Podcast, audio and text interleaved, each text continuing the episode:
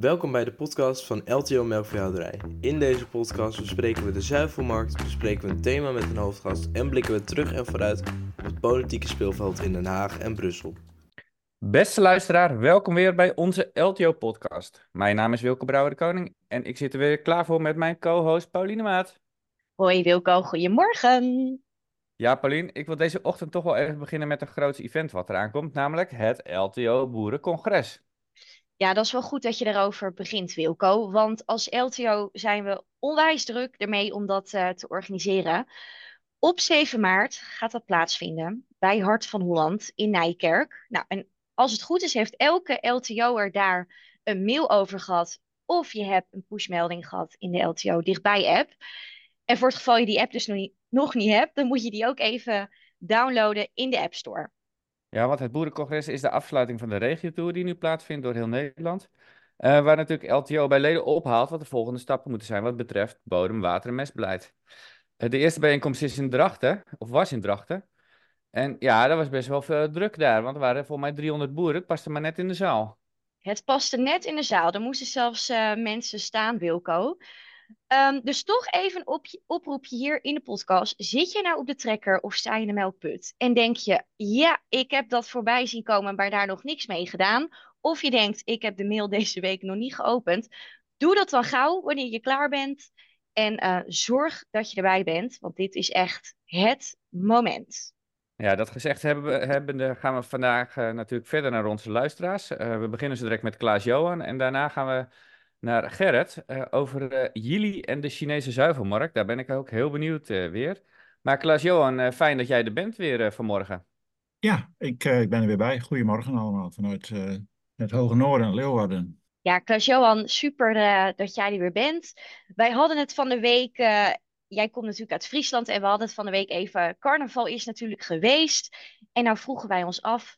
Nou, dat is natuurlijk in het zuiden helemaal een ding. Maar zou uh, de markt daar nou wat van merken?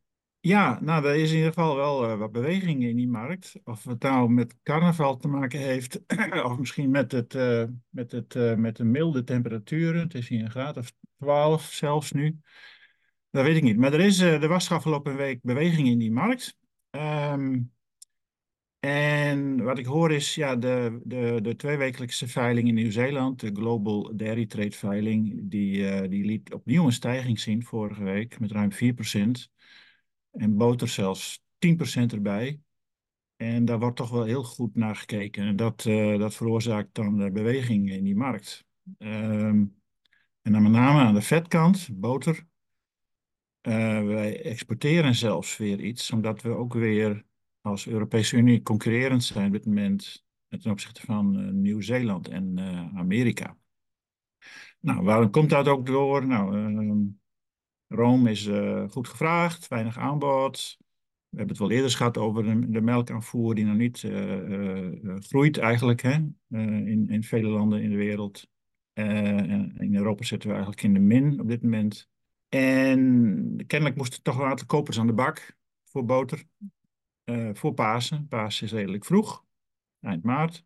En moest, die kopers moesten aan de bak. En uh, nou, dan zie je dus van alles gebeuren. Nou ja, de andere kaas en melkpoeder was niet zoveel verandering. En spotprijs richting in ieder geval boven de 40 cent wat ik hoor. Dus, maar vooral dus aan de vetkant, de, de boter. Ja. Klaas-Joni noemde net al even productie in de min, maar wat betekent dat, productie in de min? Ja, nou, we zitten natuurlijk noordelijk halve gaan wij naar de voorjaarspiek. Hè, de flush zeggen ze dan op zijn Engels. Maar wij lopen in Europa achter op de productie van een jaar geleden. Alleen als je kijkt naar de verschillende landen in de Europese Unie en ook het Verenigd Koninkrijk, dan zie je alleen een plus eigenlijk in Polen. Wij, de uh, RVO kwam de vorige week met de laatste cijfers voor Nederland voor januari. En 3% daling. En op vetbasis bijna 2% daling. Nou, Duitsland zit ook in de min, 2% in de min. Frankrijk uh, zit wel ongeveer op niveau van vorig jaar, maar als je kijkt naar het meerjarig gemiddelde, ook zo'n 5% in de min. Ierland, dat zeiden we de vorige keer al, 4% in de min. De eerste daling in Ierland van de productie in 15 jaar. En ook een hoop discussie over de vraag van waar is, wat is daar nou de reden voor? Nou, weer, maar ook beleid wordt toch wel gezien als een reden voor die uh, onzekerheid. En ook buiten de Europese Unie. Uh, nou, Australië laat dan wel groei zien. Nou, China, daar komen we zo meteen nog op met Gerrit. Hoe het daar gaat, denk ik. Uh, Verenigde Staten, eigenlijk ook geen groei. Misschien een klein beetje groei dit jaar. maar de omvang van de veestapel is daar gekrompen. Er zijn meer koeien aan de slag gegaan.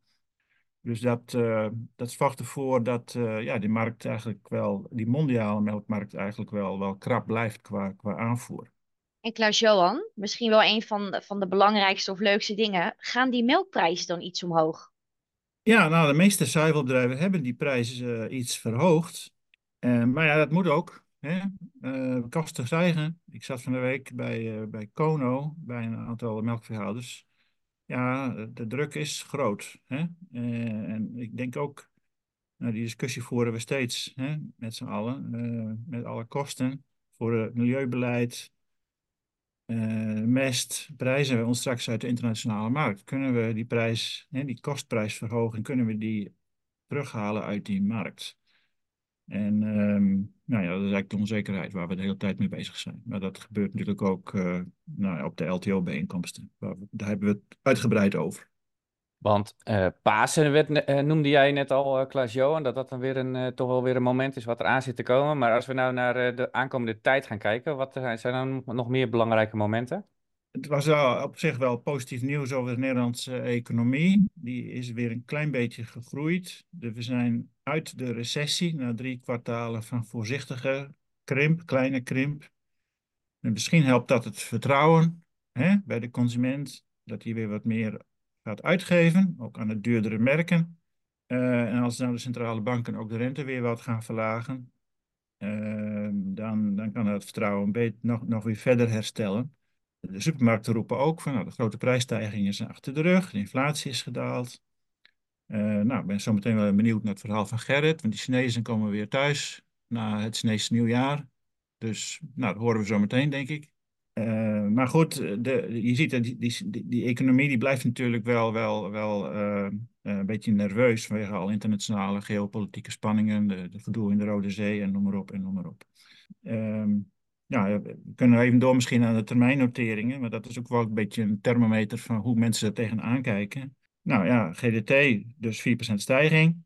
Uh, het goede nieuws was ook, denk ik, de Fonterra, die dan ook de uitbetaal, voorspelde uitbetaalprijs voor dit jaar hebben verhoogd. Ook aangeven van ja, het Midden-Oosten en Zuidoost-Azië, dus niet alleen China, maar Zuidoost-Azië, toch aantrekkende vraag.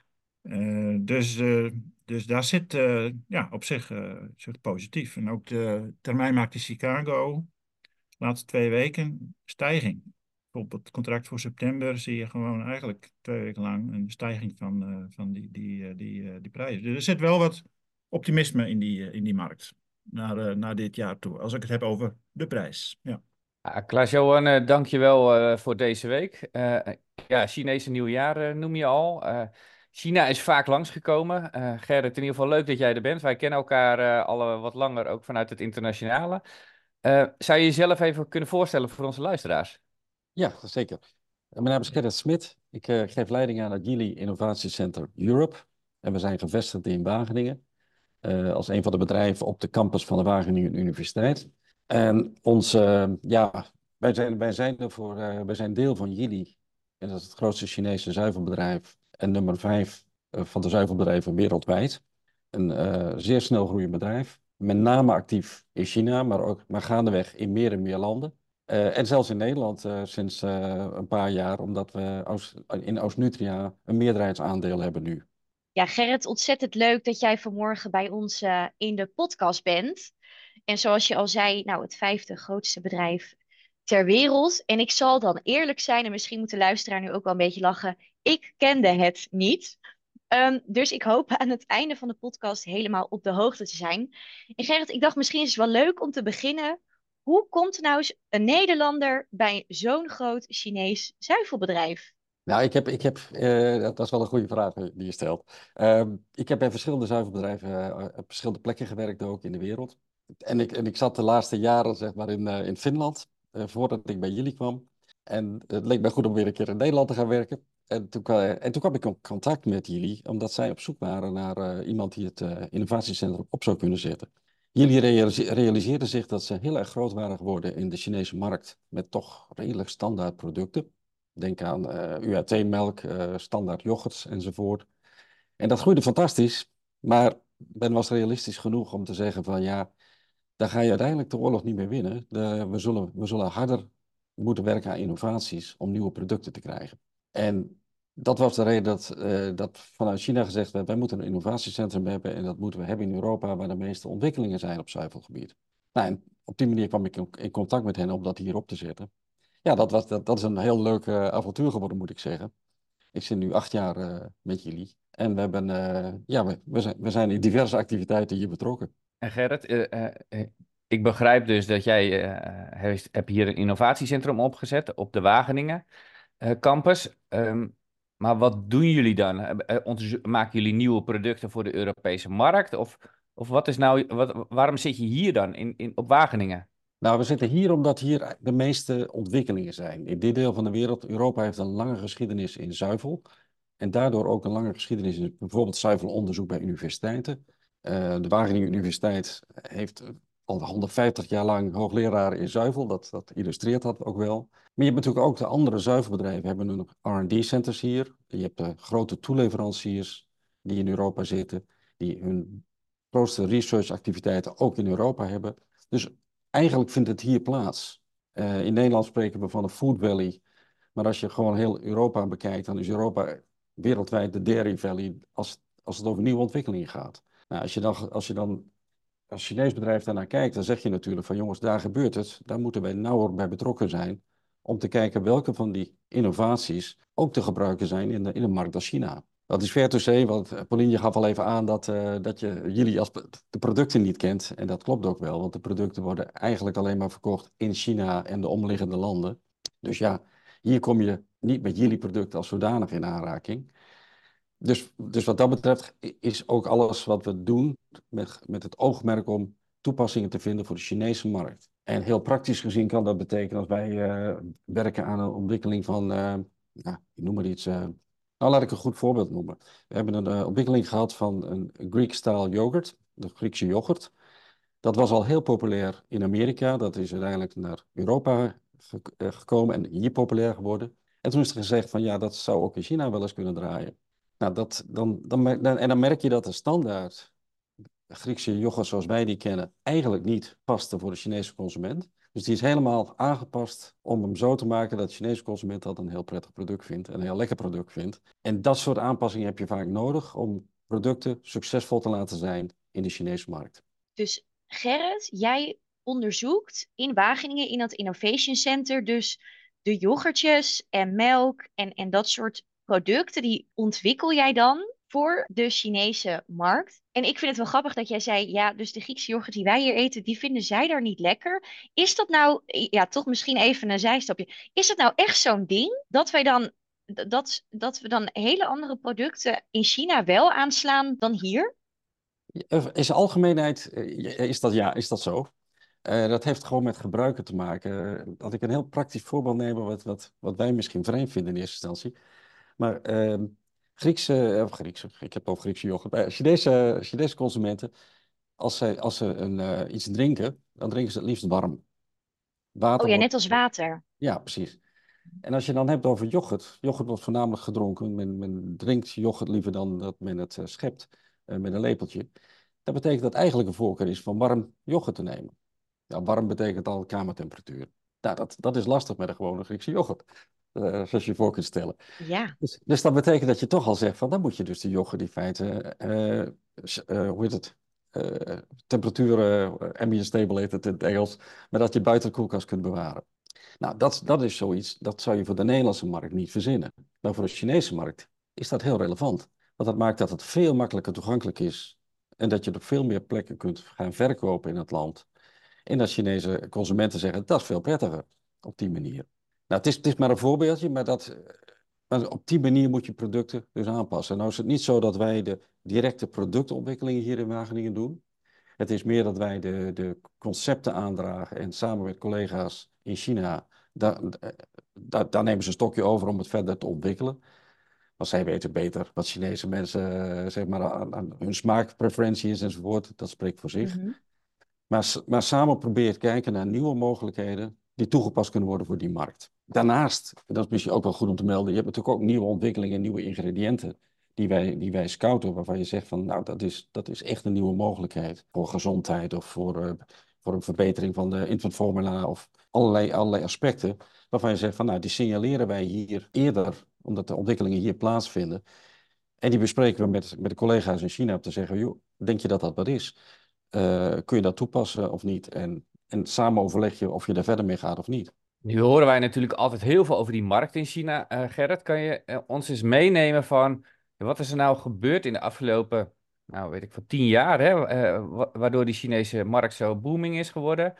En, en, en hoe staat het er nu voor? En wat, wat is dan de blik op de toekomst? zijn misschien hele grote vragen, maar ja, wat gebeurt er eigenlijk? Ja, vergeleken met de Europese zuivelmarkt is de Chinese zuivelmarkt eigenlijk nog jong. Eh, de consumptie van zuivel was, weet ik wat, 30 jaar geleden eigenlijk nog minimaal. 20, 30 jaar geleden. Dat heeft pas echt een boost gekregen rond de eeuwwisseling. En die boost is gekomen door bedrijven als jullie, die, eh, die actief eh, die markt proberen te, te bedienen. Wat tegelijkertijd ook heel veel aandacht heeft gekregen in China, is dat melk heel gezond is, heel nutritioneel gezond is. Dat, dat kwartje is heel goed gevallen bij Chinese consumenten. Sowieso is, is het besef dat voeding belangrijk is voor je gezondheid veel sterker in landen als China vergeleken met Europese landen, om eerlijk te zijn. Dus op dit moment wordt er in China door Chinese consumenten echt gekeken naar, ja, zuivel is, is de high-end voeding. Men wil daar ook best voor betalen, want men weet hoe nutri- nutritioneel het goed is. Dus gaandeweg zijn er dat, dat gekoppeld aan allerlei nieuwe producten die constant op die markt eh, gebracht worden voor de, voor de, voor de eh, consument, is het eigenlijk hand in hand gegaan dat de mensen zien beter van hoe kunnen ze het gebruiken in combinatie met eh, hun, hun dieet, zeg maar, hun, hun manier van eten en drinken. En dat is natuurlijk ook altijd de challenge, van kun je een nieuw product een plek geven, zeg maar, aan als, als, als een snack of als deel van de maaltijd of ja, noem maar op, zeg maar. Zeker met iets nieuws. En, en dat, is, dat is heel erg goed gelukt, waardoor die, die eh, zuivelvraag echt behoorlijk gestegen is. En je praat natuurlijk over heel veel mensen in China, dus als het een Mm. beetje stijgt, dan praat je over grote volumes. En die stijging, die zien we nog steeds, die, die, die zie ik ook de komende jaren best goed doorgaan. En dat laatste heeft er vooral mee te maken dat de gemiddelde consumptie van zuivel in China nog een stuk lager is dan bijvoorbeeld in Nederland. Dus ja, dan is er nog wel wat ruimte voor groei, als je het zo bekijkt. Ja. Ja, want Gerrit, betekent dat dan ook dat in China er dan ook meer eh, melkveehouders komen? Of, of exporteren wij nou bijvoorbeeld heel veel melk dan naar China vanuit Nederland? Ja, Of- klopt. Eigenlijk beiden. Ehm, je hebt, je ziet, eh, China, zoals elk land, probeert meer en meer zelfvoorzienend te zijn als het gaat om voedsel. Dat is in China in zijn algemeenheid een grote uitdaging, omdat de, de- hoeveelheid land die geschikt is voor landbouw, en dus inclusief eh, veeteelt, eigenlijk beperkt is. Het grootste deel van China is, is bergachtig gebied wat lastig eh, te bewerken is. Dus ja, men investeert zeker om eh, meer, eh, ja, meer veeteelt, meer koeien, meer melk te produceren. Maar tegelijkertijd gaat die vraag nog steeds sneller omhoog dan de, dan de melkproductie. Dus, dus netto blijft China een, een melkimporterend land. En is op dit moment het grootste melkimporterende land ter wereld. En heeft daarmee dus ook een mega impact op de melkprijs.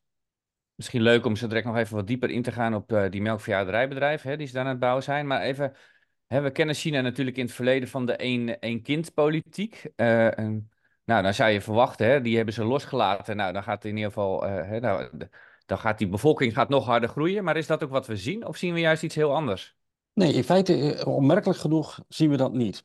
En daar kun je verklaringen voor, voor proberen te vinden, zeg maar. Maar in zijn algemeenheid zie je dat het geboortegetal nog steeds daalt in China. Dat is uiteraard ook een zorg als je kijkt naar de bevolkingsopbouw. Eh, wij zeggen al in Europa van landen als Italië enzovoort, dan is de veroudering neemt sterk toe, maar in China gaat dat nog sneller. Dus dat is zeker een zorg. Dus strikt genomen, het loslaten van de één-kindpolitiek, dat was in 2015. Ehm, sindsdien is de, is de lijn gradu- gradueel toch verder gezakt in plaats van gestegen. Dat zal er ook mee te maken hebben dat er natuurlijk een hele generatie is opgegroeid, zelf als, als enig kind. Dus er ook niet bekend mee is om broertjes en zusjes enzovoort te hebben. Heeft lange tijd is natuurlijk ook gezegd eh, van ja, dit is, de beste, dit is het beste voor het land. Dus ja, je moet ook een mentale switch maken om te zeggen van, het is nu misschien wel beter dat we weer meer kinderen krijgen. Nou, daarnaast is het ook gewoon duur in China. Je moet een groter huis hebben als je meer kinderen hebt. Ehm, je hebt kinderopvang en, en dergelijke. Uh, voor veel mensen is, is het en niet bekend en duur. Dus dan wordt het uitgesteld of afgesteld. Nou, in het verleden zagen we natuurlijk, hè, dat weten we allemaal nog wel, dat uh, hè, die babypoeder, die was uh, booming. Hè? melkprijs hier schoot omhoog omdat die Chinezen zelfs illegaal hier uit de winkels aan het shoppen waren. Zie je dus ook dat die markt aan gaat veranderen? Is die vraag naar babyvoeding dan een stuk lager en zie je daar een verschuiving in plaatsvinden? Ja, toen was de, toen was de reden natuurlijk dat er een, uh, een melaninecrisis was in China, uh, waardoor de consumenten hun eigen producten niet meer vertrouwden. Um, daar is natuurlijk zeer hard aan gewerkt om zoiets weer te voorkomen. Uh, en zeker op bedrijven als jullie, zeg maar, de aandacht die geschonken wordt aan productkwaliteit, dat is gigantisch. Ehm, want never again, zoiets zeg maar in de Chinese markt. Nou, dat, dat heeft een hele tijd geduurd voordat het vertrouwen weer gewonnen kon worden. En je ziet eigenlijk de laatste jaren dat dat vertrouwen weer terug is. De Chinese consument is, koopt nu net zo lief een Chinees product dan een buitenlands product. En dat heeft natuurlijk een impact op de export van uh, Europese bedrijven, met name met, met, met kindervoeding, naar China. En Gerrit, nou, nou had ik net, zei ik al even, hè, hoeveel melkveehouders er dan in China zitten en of er dan groei in zit. Maar um, China is natuurlijk super groot, heeft heel veel land. En nou vroeg ik me af, zo'n boerderij met koeien, lijkt dat dan een beetje op wat wij dat hebben? Of hebben zij dan veel meer dieren op een boerderij? Hoe, heb jij een idee hoe zo'n zo'n melkveehouder nou te werk gaat? Hoe zo'n bedrijf er dan uitziet? Ja, ja, ik ben op diverse van die bedrijven geweest. Uh, de, die zuivelbedrijven zijn in uh, een groot aantal daarvan zijn, zijn in eigendom van de, uh, van de, van de zuivelbedrijven. Zo ook jullie heeft een aantal van zuivelbedrijven, of veebedrijven zelf, melkbedrijven zelf. En dat wordt opgezet eigenlijk als, ja, dat zijn een soort, zijn hele grote eh, bedrijven waar, waar ja, 5000, 10.000, 20.000, 30.000 koeien zijn. En dat moet je je voorstellen dat dat een aantal stallen zijn naast elkaar, met gezamenlijk, uh, ja, met, met gezamenlijk benutte dingen als, als melkrobots en, en noem maar op. Dus dat draait wat dat betreft best efficiënt. En het veevoer moet toch komen van buiten. Dat is in, in China een, van de uitdagingen natuurlijk. Je, er, is, er, is genoeg grasland in het noorden, maar het is vrij droog, dus je kunt niet een aantal keren maaien in het jaar om daar genoeg uh, gras vanaf te halen. Dus er wordt veel ingevoerd vanuit Amerika als, als veevoer. Um, en in die, ja, die, de, de, de, hoe heet het, de, de boerderijen zijn dus wat dat betreft totaal anders dan wat we hier in Nederland kennen. En ja, dat is, dat is voor China een, een efficiënt model. Het is gewoon een andere setting wat dat betreft. Maar die stallen ah. zijn wel hypermodern. Uh, de laatste die, die geopend is, waar ik uh, een half jaar geleden zeg maar, een bezoek aan bracht. Ja, die, die is met 15.000 koeien en volledig gerobotiseerd. alles gaat automatisch. Er zijn, zijn bijna geen mensen meer bij nodig. Dus het is bizar hoe efficiënt dat kan. Ja, Gerrit, 15.000 koeien. Ik kan me daar geen voorstelling bij maken. Mocht ik ooit nog naar China gaan, dan moet ik dat toch maar eens met eigen ogen zien. Ik denk helemaal, hoe groot moeten die stallen dan zijn? Maar goed, maakt helemaal niet uit. Ik ben, ik ben super nieuwsgierig. Hey, Gerrit, vorige twee weken terug bedoel ik, hadden wij uh, Koos Verloop van de Weur bij ons in de podcast over bemesten op zijn best. En we hebben Koos gevraagd om jou een vraag te stellen. En die ga ik nu aan jou laten horen. Ja, um, ik vind het heel interessant uh, dat hij zich uh, richt op, op, op China. Um, en waar ik eigenlijk benieuwd naar ben, is of um, de duurzaamheidsvragen zoals wij die hier in Europa kennen, of precies zoals in Nederland kennen, of die in China nu of in de toekomst ook opgepakt gaan worden of een rol gaan spelen. Jazeker. Uh, als je kijkt de laatste, de, laatste, nou, de laatste decennia, zou ik bijna zeggen, begint in China, uh, in China meer en meer uh, de impact van het klimaat een rol te spelen. Denk vooral ook even aan de situatie in Beijing, als je, als je het hebt over de luchtverontreiniging. Dat heeft wel gemaakt dat, dat het besef goed indaalde van er moet wat gebeuren. En daar zijn ook knopen doorgehaakt om te zeggen, daar gaat ook wat gebeuren. En dat zie je door, door het hele land. Um, als je in het noorden van China kijkt, als, ik, uh, als, als je in, Ho in Holland is het uh, het hoofdkantoor van Yili. In dat gebied, dus dat, dat hele gebied zit vol met windmolens, om maar een voorbeeld te geven. Er worden in het berggebieden enorme bossen aangeplant.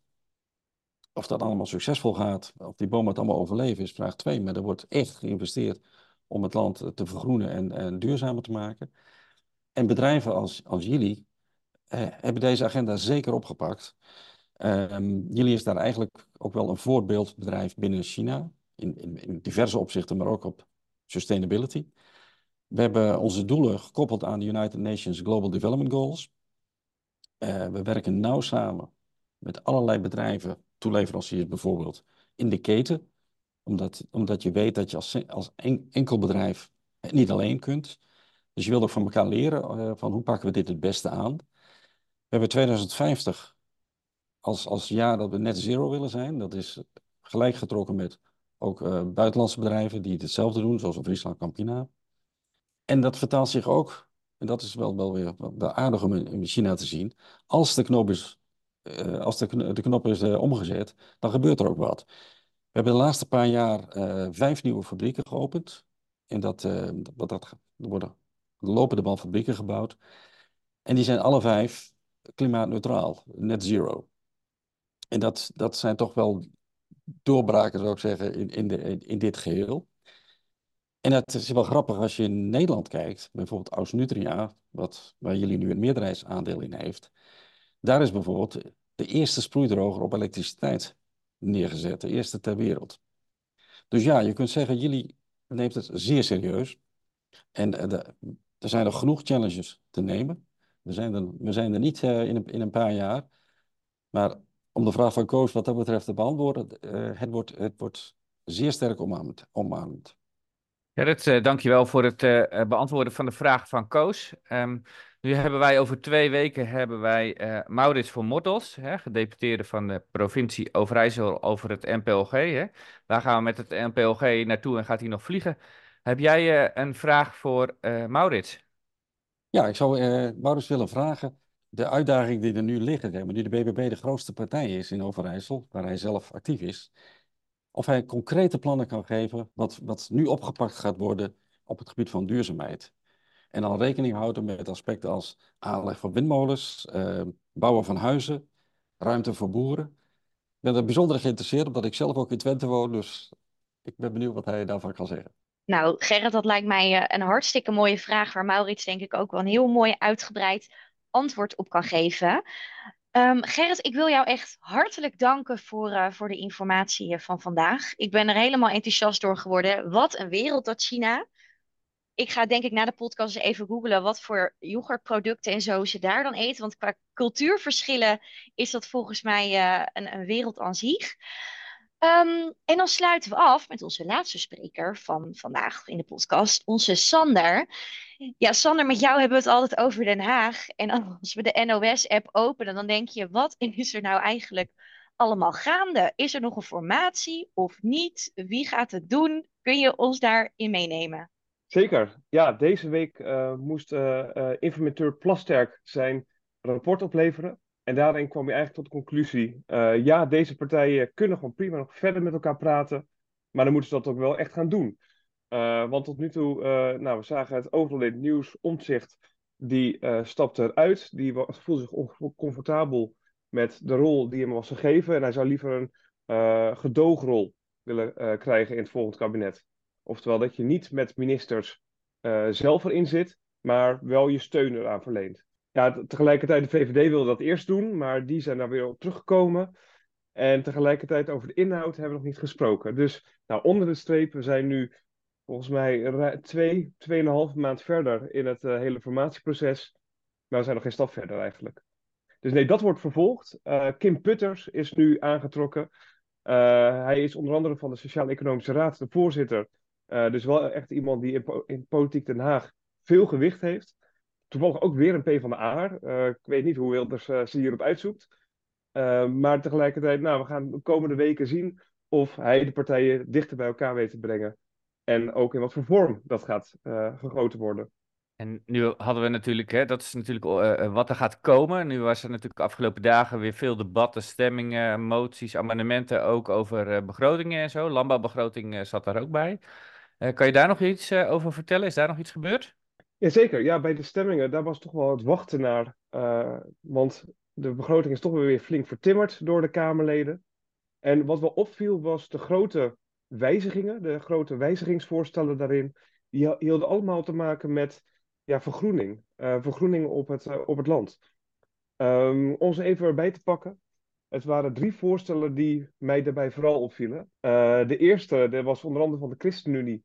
Dat was om totaal 100 miljoen euro eh, weg te zetten voor het financiële gat dat bij het agrarisch natuurbeheer eh, zat. Eh, je moet dan wel bedenken, dat is dus echt niet dat hier zoveel extra geld heen gaat, dat het geld tegen de plinten opklotst. Nee, het was, ja, de provincies hadden al berekend, er is ongeveer 200 miljoen een tekort voor de komende vijf jaar.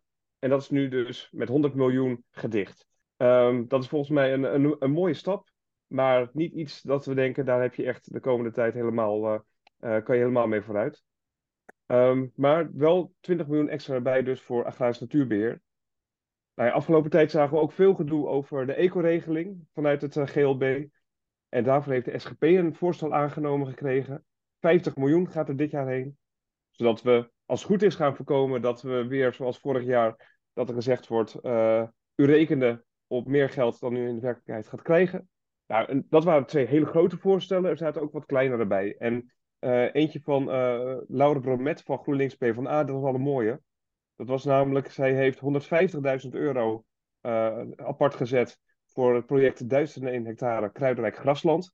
Het project van LTO en Urgenda. En daarmee kan 1000 extra hectare worden ingezaaid met een uh, kruidenrijk grasmengsel. Nou, dat is wel een heel mooi uh, voorstel, wat een stuk kleiner is dan die andere. Maar wel mooi dat juist zo'n partij uh, geld wil geven aan zo'n project van LTO en Urgenda. Dus al met al drie voorstellen die toch wel flink de uh, LNV-begroting vertimmeren. En alle drie ervoor zorgen dat er meer vergroening komt uh, op het platteland. Ja, Sander, ik ben vooral natuurlijk blij met die laatste, hè, want het is, het is mijn project die ik trek met de agenda. En ja, het is ook wel, wel mooi, we hebben dat vanuit verschillende kanten dan aangepakt ook. Hè? Dus uh, je ziet daar die samenwerking ook wel. Hè? Laura heeft hem ingediend. Maar Eline Verder was er natuurlijk ook uh, bij betrokken. Dus ja, mooi ook dat wij onze melkveehouders weer uh, aankomende tijd weer verder kunnen brengen met het inzaaien van Kruidenrijk Grasland. En als het goed is, gaan we 27 februari weer open met een hele nieuwe ook gemeentes die nu steeds meer gaan meedoen. Dus dat wordt inderdaad wel leuk, wordt vervolgd. Ja, ik denk wel een heel mooi project. Want hoe, hoe, hoeveel hectare is er ongeveer nu ingezaaid met dit project? Nou ja, uiteindelijk was mijn doel 1001 hectare. Daarom heet het ook 1001 hectare. En we gaan over de, ver over de 5000 nu heen. En ja, het zou natuurlijk 10.001 hectare is natuurlijk zo mooi zijn als we dat eind van het jaar gaan halen. Maar wie weet, we gaan er gewoon volle kracht op door. Dus dat is leuk. Sander, als je kijkt naar, uh, we hebben het net al over gehad, hè, er zijn natuurlijk coalitieonderhandelingen. We hebben het al over gehad, hè, de begroting is, net toch, is toch nog wel aardig verspijkerd uh, van LNV. Zien we nog iets, kan een demissionair minister nog iets doen? Of, of zit hij echt wel gebonden en moet hij eigenlijk nu al alles overleggen dan met de toekomstige partijen die misschien in een coalitie gaan zitten?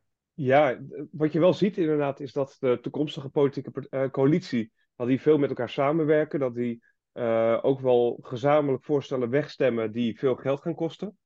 Maar ja, de minister die zit nu nog gewoon, alhoewel demissionair. En demissionair betekent vooral dat hij geen nieuwe initiatieven mag uh, introduceren. Hij moet wat dat betreft vooral op de winkel passen. Maar de Tweede Kamer, die is gewoon vol in het zadel. Dus ja, zolang de Tweede Kamer hem nieuwe voorstellen geeft, nieuwe opdrachten geeft, ja, dan kan hij dat gewoon rustig uitvoeren, zolang als de formatie gaat lopen. Dus pas tot het uh, nieuwe kabinet op bordes staat bij de koning, tot dat moment uh, kan onze minister nog gewoon volle bak aan de slag gaan met alle voorstellen die langskomen. Onder andere dus die zijn aangenomen bij de afgelopen begroting. Nou, Sander, het, uh, het is allemaal weer wat in het Haagse, maar um, door jou blijven we goed op de hoogte. En ik hoop met die formatie, nou ja, dat dat dan toch maar uiteindelijk, ik zeg wel eens, sluit ze op op een hutje op hei. Je komt er niet uit voordat je eruit bent. Maar goed, zo werkt het dus niet. We gaan het zien.